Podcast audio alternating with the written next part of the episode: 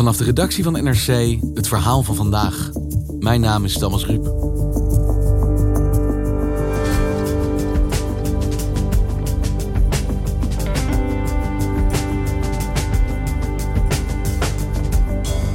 Een diner vol tranen en dreigementen.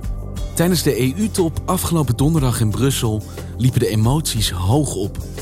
Aanleiding was de omstreden anti-LHBTI-wet van de Hongaarse premier Viktor Orbán. Die druist in tegen de Europese waarden, hoort correspondent Clara van der Wiel. Maar wat kan de EU daar eigenlijk tegen doen?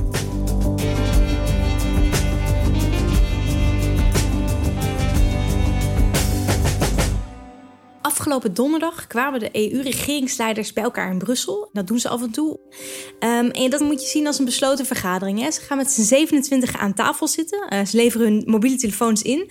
Uh, er mag niemand bij zijn. En ze praten met elkaar over belangrijke onderwerpen. Het is een beetje een geheimzinnige atmosfeer ook wel. Ja, wij als journalisten uh, eigenlijk alleen mee wat er uh, uit die vergadering gelekt wordt. En we weten natuurlijk wat er van tevoren op de agenda stond. En, en dat was nu uh, bijvoorbeeld de situatie met Rusland, hè, de situatie met oppositieleider Alexei Navalny. verder stond Turkije op de agenda, migratie. Maar ze gingen ook met elkaar eten natuurlijk. En tijdens dat diner kwam een onderwerp ter discussie dat eigenlijk niet op de agenda stond, maar wat vanwege de actualiteit echt heel erg urgent werd beschouwd door al die regeringsleiders. En wat is dat dan? Dat was de nieuwe anti-homo-propagandawet uh, die de Hongaarse premier Viktor Orbán onlangs heeft ingevoerd. En op welke manier kwam die wet ter sprake daar? Het kwam er eigenlijk op neer dat de ophef over die wet en de afschuw over die wet bij heel veel verschillende regeringsleiders zo groot was dat zij echt zoiets hadden van dit moeten wij ter sprake brengen. En dat had uh, het gevolg dat tijdens dat eten Orbán dus ook echt totaal de oren werd gewassen door heel veel van zijn collega-premiers. Ze haalden echt keihard naar hem uit en, en spraken hem echt op de man af aan van wat ben je nou aan het doen? Dit kan echt niet, totaal onacceptabel. Wij zijn het hier zo mee oneens. Dit kan niet in de EU. Goedenavond. Op de EU-top is vol afschuw gereageerd op de Hongaarse anti-homo-wet.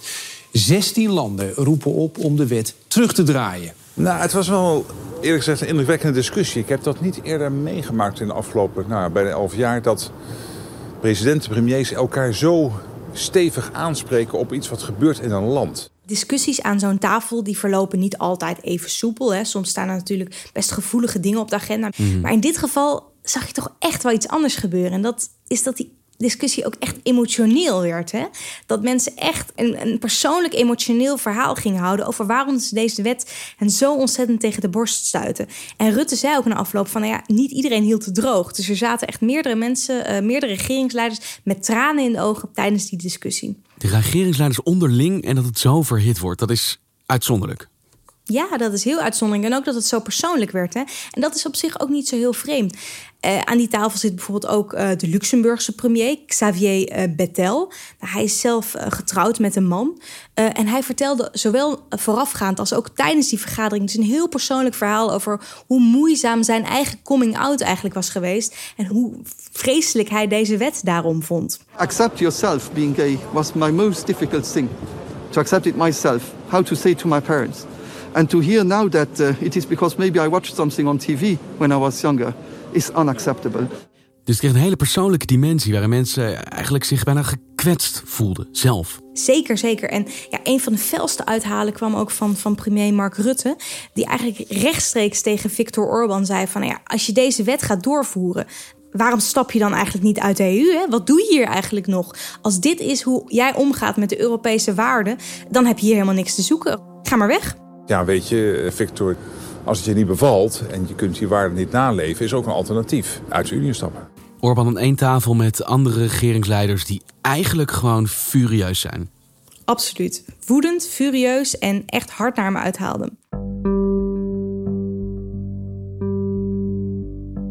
Hey, en wat is dit dan voor een wet, Clara, waar zulke heftige reacties op komen? Het komt er eigenlijk in de kern op neer dat een wet die eigenlijk bedoeld was om pedofilie harder aan te pakken, heel erg is uitgebreid. En er daardoor ook allerlei ja, elementen in zijn gevoegd. Waarmee ook, um, ja, zo noemen ze dat dan, homopropaganda richting minderjarigen verboden wordt.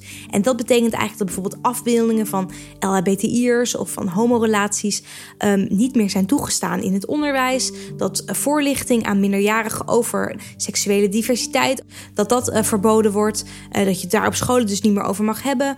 En dat je niet meer aan minderjarigen, ja, LHBTI'ers mag promoten, wat dat dan ook mag zijn. Eigenlijk door een wet afgedwongen taboe. Ja, het formaliseren van inderdaad een taboe en van, van ja, hele homofobe neigingen eigenlijk, hè? En waarom doet Orbán dit? Waarom zo'n wet die zich zo specifiek richt tegen die LHBTI-gemeenschap? Nou ja, Orbán die eh, gaat op voor herverkiezing volgend jaar. En hij is inmiddels al meer dan tien jaar aan de macht. En vooralsnog was zijn macht eigenlijk nauwelijks betwist. Hij is populair, hij won de verkiezingen ruim. Um, maar op dit moment staat zijn positie toch een beetje onder druk. En dat komt omdat de alle oppositiepartijen zich bij elkaar hebben gevoegd om één blok te vormen om de strijd met hem aan te gaan volgend jaar. Maar eh, als het gaat om LHBTI-rechten, dan is de verdeeldheid onder die partijen best wel groot. Want de extreemrechtse partijen zijn het eigenlijk hartstikke eens met deze nieuwe strenge wetgeving. Uh, dus hij probeert met die wet eigenlijk dat oppositieblok uit elkaar te spelen. En überhaupt uh, probeert Orbán met deze wet eigenlijk een soort van publiek sentiment aan te spreken. En hij maakt dus eigenlijk een beetje een soort van zwart schaap van die LHBTI'ers in eigen land. Uh, zoals hij dat eerder bij vorige verkiezingen bijvoorbeeld deed met migranten. Nou, op dit moment is de migratiestroom niet zo groot. Dus dat is veel lastiger om daar uh, ja, een soort van uh, strijd op te kloppen. Dus ja, het nieuwe slachtoffer van Orbán zijn de LHBTI'ers in Hongarije. Hij presenteert gewoon een nieuwe vijand. En hij zegt: Dit is nu het gevaar voor onze maatschappij. Ja, en dat is natuurlijk ook best wel uh, slim van hem. Want het is nou natuurlijk ook wel zo dat er grote verschillen zijn binnen de EU over hoe er wordt aangekeken tegen LHBTI-rechten. Er is natuurlijk in Nederland ook nog steeds heel veel te verbeteren wat betreft de LHBTI-emancipatie. Hmm. Maar de rechten van uh, LHBTI'ers die zijn goed vastgelegd. En dat is in, in veel uh, West-Europese landen zo. Maar in Oost-Europa is dat sowieso veel minder zo. In veel landen is het nog helemaal niet gebruikelijk dat bijvoorbeeld mensen van het geslacht met elkaar kunnen trouwen. En ook als je kijkt naar opinieonderzoeken, dan blijkt ook echt dat meer dan de helft van de bevolking daar eigenlijk helemaal niet zoveel voor voelt. En daar hoopt hij dus zelf van te profiteren door dit onderwerp aan te wakkeren. Ja, precies. Door eigenlijk uh, te zeggen van ja, ik bescherm Hongarije. Ik bescherm de Hongaren tegen allerlei uh, westerse normen en westerse uh, ja, ideologie waar wij als Hongaren niks van moeten hebben. Deze wet is eigenlijk bedacht, geconstrueerd om verdeeldheid aan te wakkeren, omdat Orbán daar zelf van hoopt te profiteren. Maar wat betekent deze wet nou concreet voor LHBTI'ers in Hongarije op dit moment? Nou ja, voor hun is het natuurlijk een enorm ingewikkelde situatie. Want eigenlijk, als je het historisch bekijkt, dan is Hongarije voor een Oost-Europees land was het best aardig gesteld met de LHBTI-rechten. En dat komt uh, voor een deel omdat bijvoorbeeld religie niet zo'n hele grote rol speelt in Hongarije.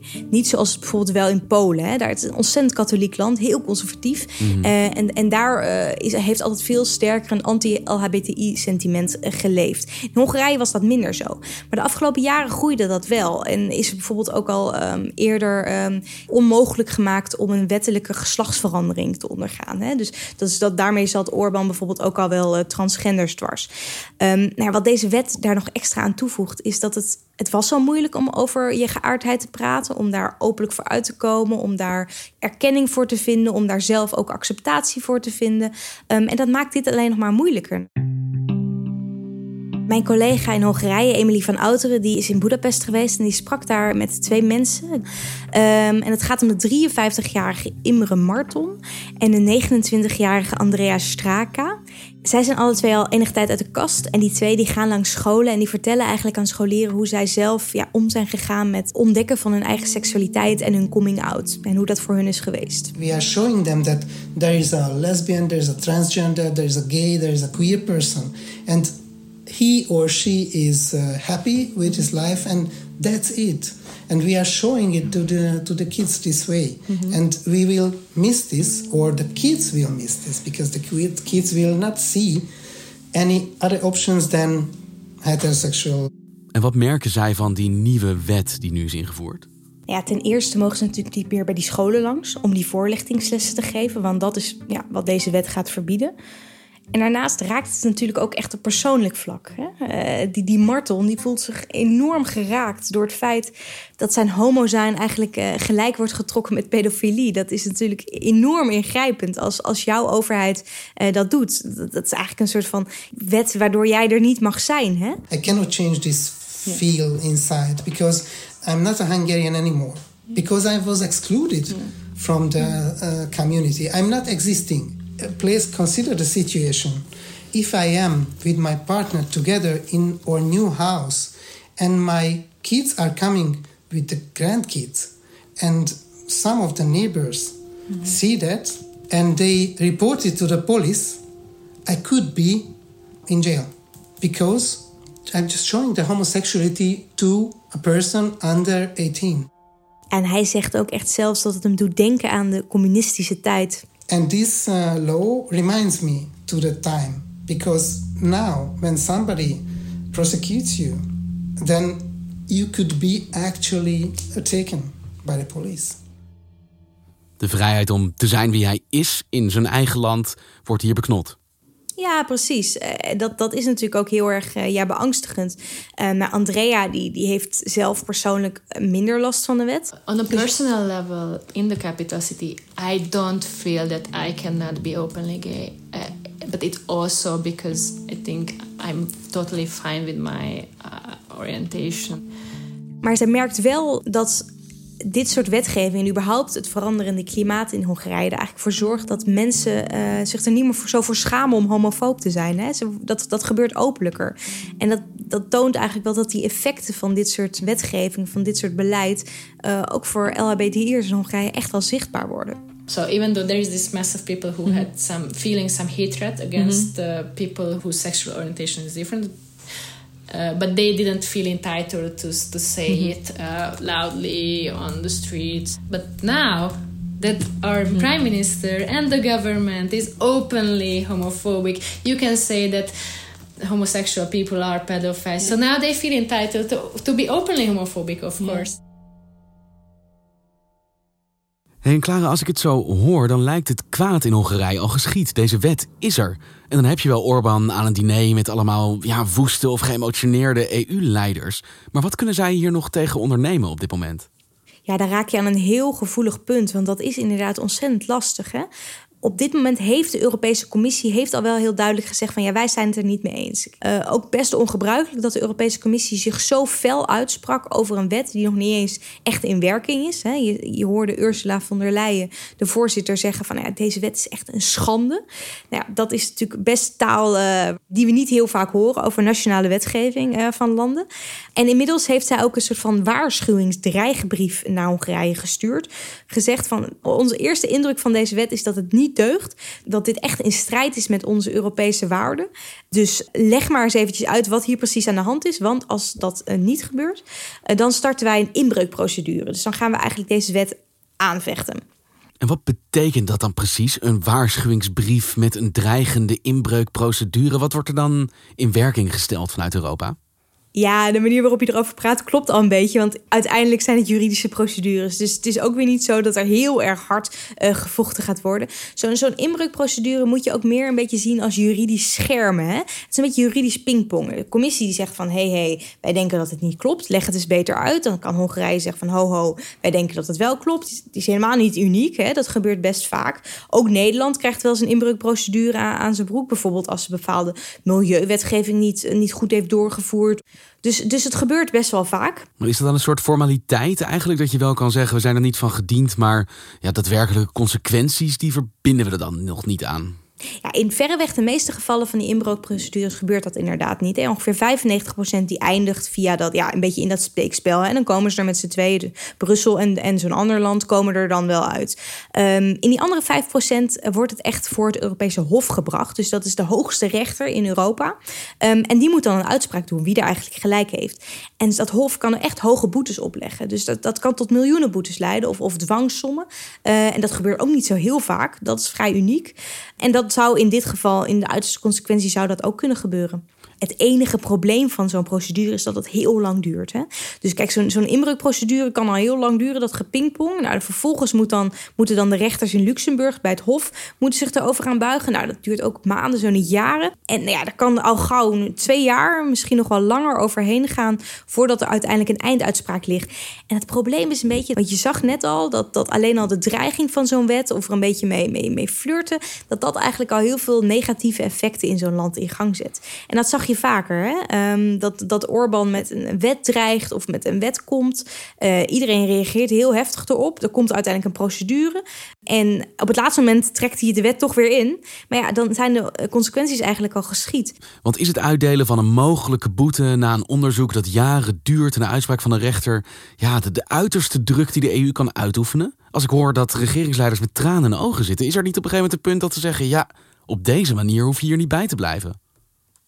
Dat is precies wat Mark Rutte zei natuurlijk. Hè? Van de EU is niet alleen maar een interne markt, is niet alleen maar een soort van veiligheidscirkel, maar is ook een waardegemeenschap. Hè? Wij, wij, wij delen bepaalde waarden. En als je daar niet mee eens bent, als je daar zo hard tegenin gaat met dit soort wetgeving, ja, dan heb je hier eigenlijk niks meer te zoeken. Dan hoor je hier niet thuis. En kan dat ook, dat een land eruit gezet wordt? Nee, dat is dus vooralsnog onmogelijk. Je kunt alleen vrijwillig zelf uit de EU stappen. Niemand kan je dat opleggen. En ja, dat moet dus het besluit van Budapest zelf zijn. En dat maakt het natuurlijk heel lastig, want Orbán die gaat dat never nooit doen. En je kunt je ook wel echt afvragen van ja, moet je dat willen? Hè? Want dat Orbán nu deze wet doorvoert en dat hij zo'n ontzettende stampij maakt uh, tegenover Brussel, dat betekent natuurlijk niet dat alle 11 miljoen Hongaren het volledig met hem eens zijn. Hè? Ik bedoel, die oppositie uh, in Hongarije die is inmiddels alweer bijna de helft van, uh, van de stemmen in, in de peilingen. Um, er zijn natuurlijk een heleboel Hongaren het niet met Orbán eens. En die tref je daarmee natuurlijk ook heel erg hard. Nog los van het feit dat het ook voor de EU hartstikke slecht zou zijn als Hongarije wegvalt. Dat is natuurlijk een belangrijke geopolitieke plek in Europa, richting Rusland ook. Uh, het, het is toch wel heel belangrijk om die landen er ook bij te houden.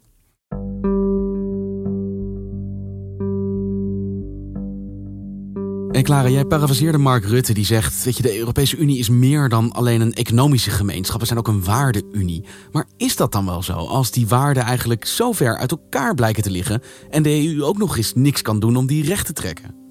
Ja, ik denk dat je daar een hele goede vraag stelt, Thomas. Um, het is wel een beetje de kern van de discussies die nu in de EU worden gevoerd. Hè? Er zijn landen die niet de afslag nemen uh, die we gedacht hadden dat ze zouden nemen. Hè? Richting steeds meer uh, ja, vrijheid, westerse waarden, uh, onafhankelijkheid van de rechtspraak. Maar juist een beetje ja, de verkeerde richting uit lijken te gaan. Um, de discussie is nu wel echt in, in, in de EU van ja, wat doen we daar eigenlijk mee? Hè? Is het zo belangrijk om, om die interne markt in stand te houden en iedereen daarmee uh, ja, een soort van de economische macht te blijven uh, die we met veel landen zijn? Of moeten we toch ook echt strenger worden op, op die waarden? En moeten we dat echt op een andere manier gaan afdwingen? En hoe kunnen we dat dan doen? Dat is een ontzettend ingewikkelde discussie, um, waar ik ook niet zomaar uitkom. Maar ja, als druk en ophef en veroordeling van buitenaf waarschijnlijk niets gaat oplossen voor die LHBTI'ers binnen Hongarije, omdat Orbán zich mogelijk hier helemaal niet uh, voor gewonnen geeft, welke opties hebben zij dan nog? Hopen dat er op een gegeven moment toch een nieuwe politieke wind gaat waaien daar? Ja, die hoop zullen sommigen zeker hebben. Volgend jaar zijn er inderdaad uh, parlementsverkiezingen. En ja, er, is wel een hoop dat, dat er misschien uh, andere partijen aan de macht komen in, in Hongarije. Maar ja, heel erg sterk is die hoop ook niet. Ik weet wel dat, dat er heel veel mensen het ook best somber inzien in Hongarije. En uh, een van de mensen die, die mijn collega Emily gesproken heeft, Imre Marton, die sprak openlijk over nou ja, dat hij toch erover nadenkt om, om te gaan verhuizen. Uh, omdat hij, dat niet het land is waarin hij wil leven. It's really hard to leave Hungary because I have uh, kids, I have grandkids. It's not so easy to leave Hungary, but in this situation I don't want to leave here anymore. Dankjewel, Clara. Graag gedaan, Thomas.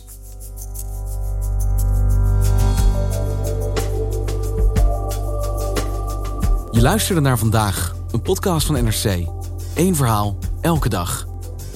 Deze aflevering werd gemaakt door Wijken van Koolwijk, Ido Havinga, Henk Ruigrok van der Werven en Misha van Waterschoot. Dit was vandaag. Morgen weer.